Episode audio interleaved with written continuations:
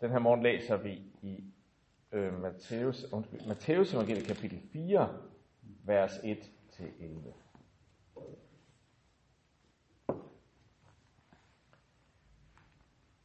Så blev Jesus af ånden ført ud i ørkenen for at friste sig djævlen. Og da han havde fastet i 40 dage og 40 nætter, led han til sidst sult. Og fristeren kom og sagde til ham, hvis du er Guds søn, så sig, at stene her skal blive til brød. Han har svaret, der står skrevet, mennesket skal ikke leve af brød alene, men af hvert ord, der udgår af Guds mund. Der tog djævlen ham med til den hellige by, stillede ham på templets tinde og sagde til ham, hvis du er Guds søn, så styrt dig ned, for der står skrevet, han vil give sine engle befaling, og de skal bære dig på hænder, så du ikke støder din fod på nogen sten. Jesus sagde til ham, der står også skrevet, du må ikke udæske Herren din Gud. Igen tog djævlen ham med sig denne gang til et meget højt bjerg, og viste ham alle verdens riger og deres herlighed, og sagde til ham, alt dette vil jeg give dig, hvis du vil kaste dig ned og tilbe mig. Der svarede Jesus ham, vi er bort, satan, for der står skrevet, du skal tilbe Herren din Gud og tjene ham alene. Der forlod djævlen ham, og se, der kom engle og sørgede for ham.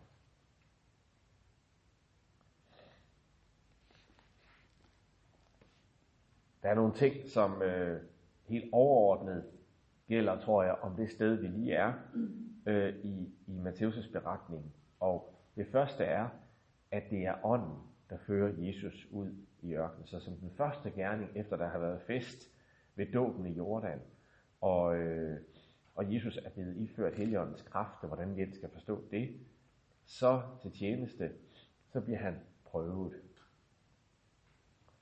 Og det står så direkte, det står i alle evangelierne. Der er ligesom ikke andet at sige. Det er en del af åndens gerning hos Jesus og, og øh, føre ham ud i den her kamp med djævlen.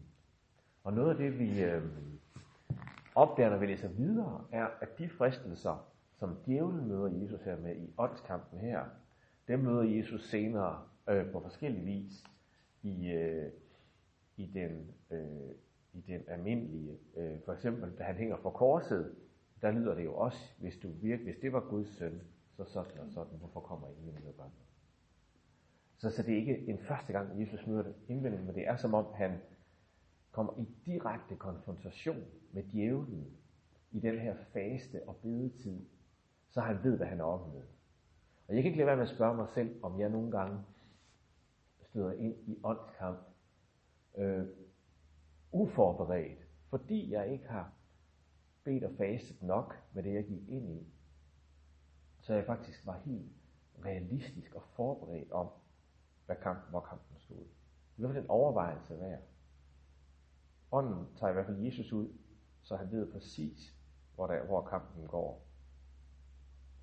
Det næste er, at Jesus i Matthæus' måde taler om Jesus på at, at fremstille som en Moses. Det kommer frem mange steder. Det kommer frem i bjergprædiken, og han kommer ned fra bjerget og så videre. Mm. Og, og et, af, et af stederne er jo her, for øh, det er jo ikke tilfældigt, det er 40 dage. Det er et billede på øh, de øh, årene i ørkenen. Og, øh, og det er som om, at øh, Jesus gennemlever nu det paksfolkets skæbne. Han, det der var deres historie, at de var i ørkenen, øh, de var blevet udfriet, øh, de havde fået deres identitet genoprettet, ligesom Jesus har fået sin identitet bekræftet her i dåben. Men til forskel fra Guds folk i ørkenen, så kan Jesus øh, bestå prøven, kan man sige, bestå fristelsen. Og så er der jo så det tredje, som er selve de fristelser, djævlen kommer med, som alle sammen handler om identitet. Det er også godt at stande sig op ved. Det går tilbage til identitet. Hvem er det, du er? Og hvis du er den, altså Guds søn, så, og så må vi sige, at det gamle ord om at læse Bibelen, som fanden læser den, det holder jo stik. Fordi djævlen bruger faktisk Bibelen her til at, øh, til at friste Jesus. Det er også tankevækkende. Og der kommer så øh, tre forskellige sider øh, af djævelens måde at friste på. Det første handler om Jesu behov for brød. Det er jo ikke så mærkeligt, når man har fastet i 40 dage, at man kan være sulten. Så det er helt oplagt sted at sætte ind. Sig det bare til sten, at de skal blive til brød. Bliv en brødkonge. Og øh, det næste, gå op på templets tinde der, hvor folk forventer, at Messias vil komme, og så bare springe ud og lave et øh, kæmpe show, og ingen vil være i tvivl om, hvem du er.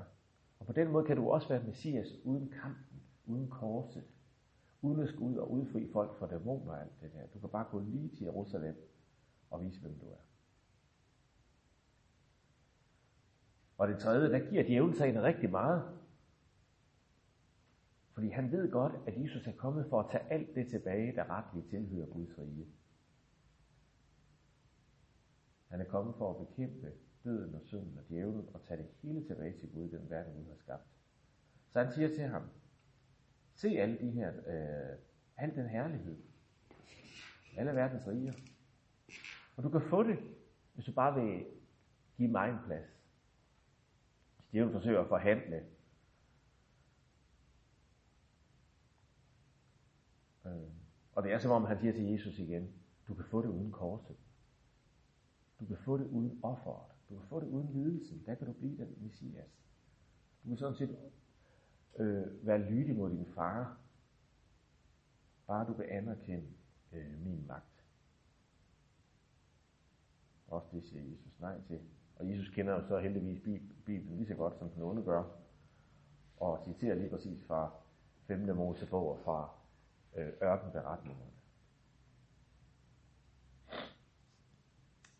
Det har tit været en hjælp for mig at tænke om de her tre fristelser i, i, øh, i mit eget liv, som øh, appetit, det er det med brødet jo, det, det er alle mulige appetitter, man kan have, øh, som den onde kan knytte til ved.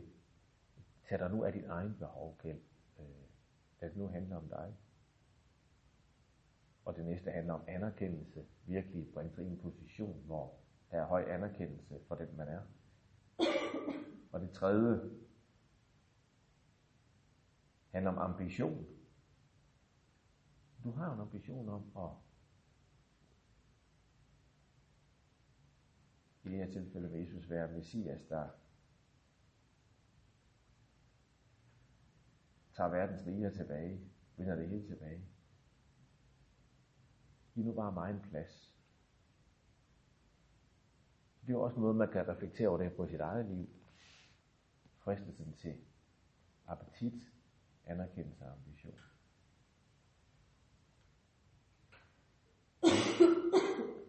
Kirkefaderen Eusebius, han siger, at det er, han læser det sådan, at det er, i, at det er de tre embeder, præst, konge og profet, som her bliver udfordret, som de går efter.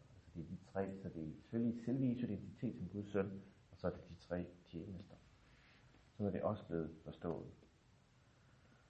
Så hvad er det for en konge og for en præst og en profet, Jesus er kaldet til at være, og hvordan djævlen øh, frister ham til at være det på en anden måde, end den Gud har kaldet ham til. Og man må sige, i kampen med fristelsen, det er lydighed under, hvem Gud har sagt, Jesus er, og den opgave, han har givet ham, han kæmper med. Det er hans svær, det er, han, det er det, han kæmper med. Hvem Gud har sagt, han er, og hvilken opgave Gud har givet ham. Så vi kan slutte med lige at reflektere over de svar, Jesus giver, hvad de siger om, hvordan Jesus kæmpede. Der står skrevet, at mennesket skal ikke leve af brød alene, men af hvert ord, der udgår Guds mund. Der står også skrevet, du må ikke udæske Herren din Gud. Der står skrevet, du skal tilbe Herren din Gud og tjene ham med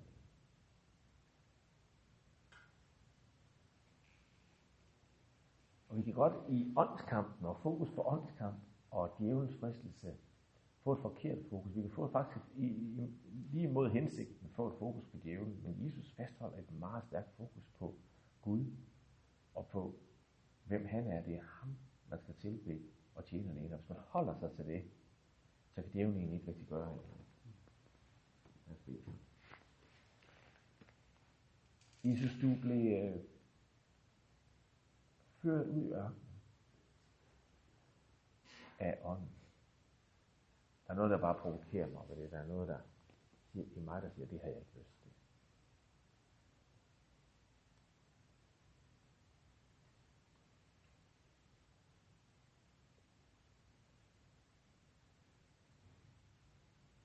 Og prøves. Og da du var derude, der holdt du fast i, hvem du var.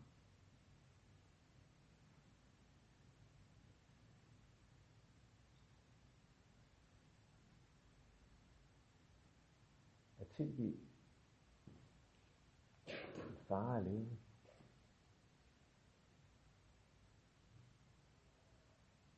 Og tjene ham alene.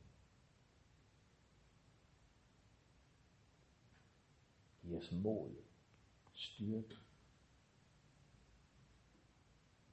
til at gøre det samme, Jesus.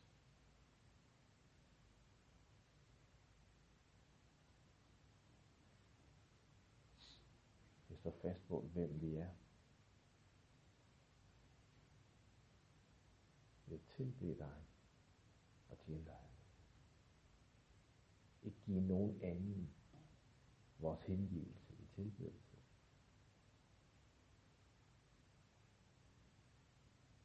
Og ikke give vores tjeneste til nogen anden magt. Og noget andet rigere til det. Det beder vi om.